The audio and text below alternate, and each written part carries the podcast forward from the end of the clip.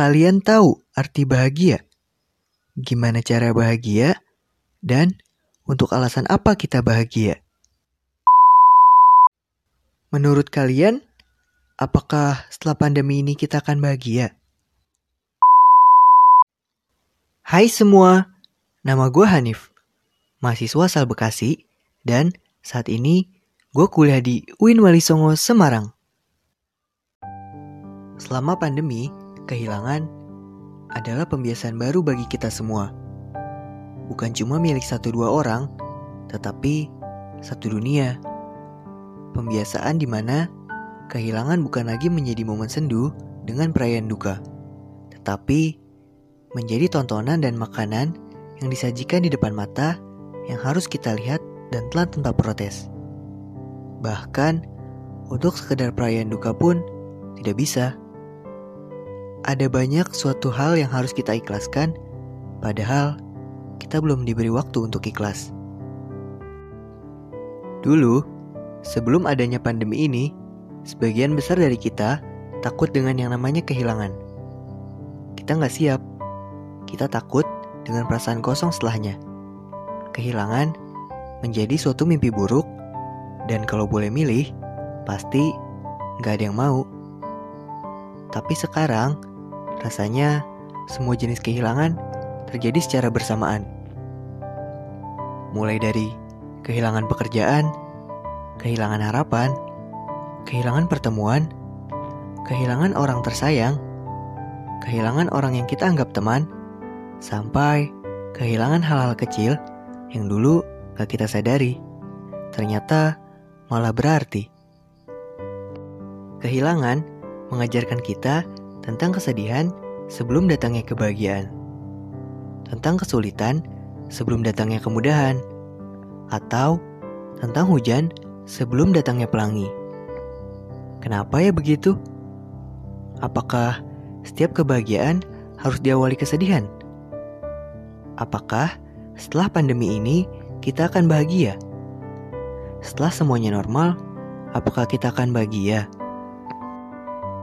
Buat jawab pertanyaan ini, mungkin gue bakal jawab dengan ceramah yang pernah gue dengar dari Ustadz Hanan Ataki. Menurut gue, ini bisa jadi renungan buat kita. Dalam ceramahnya, beliau bilang begini, bahwa kebaikan selalu Allah simpan di balik suatu kesulitan. Itu selalu kayak gitu. Sehingga ketika kita mendapatkan kesulitan, kita langsung aware bahwa oh, berarti Allah mau ngasih kebaikan setelah ini. Ketika kita mendapatkan suatu ujian, kita langsung sadar, oh, berarti akan ada kebahagiaan setelah ini. Ketika kita mendapatkan rasa sakit, kita langsung ngeh. Oh, ada rasa bahagia, ada rasa senang setelah ini. Sesungguhnya, bersama kesulitan ada kemudahan. Dan Allah juga mengatakan dalam ayat yang lain, Wabas siris sobirin. Sampaikan berita gembira kepada orang-orang yang sabar di masa-masa sulit. Intinya, ketika kita yakin bahwa kesulitan itu akan ada kemudahan di baliknya, maka kita akan menerima kesulitan itu dengan rasa bahagia. Kita akan merasakan rasa pahit itu, rasa sakit itu, dengan perasaan senang. Lalu, setelah pandemi ini selesai, apakah kita benar-benar akan bahagia? Apakah kita akan bahagia walaupun kita telah mengalami banyak kehilangan? Jawabannya adalah harus kita harus bahagia.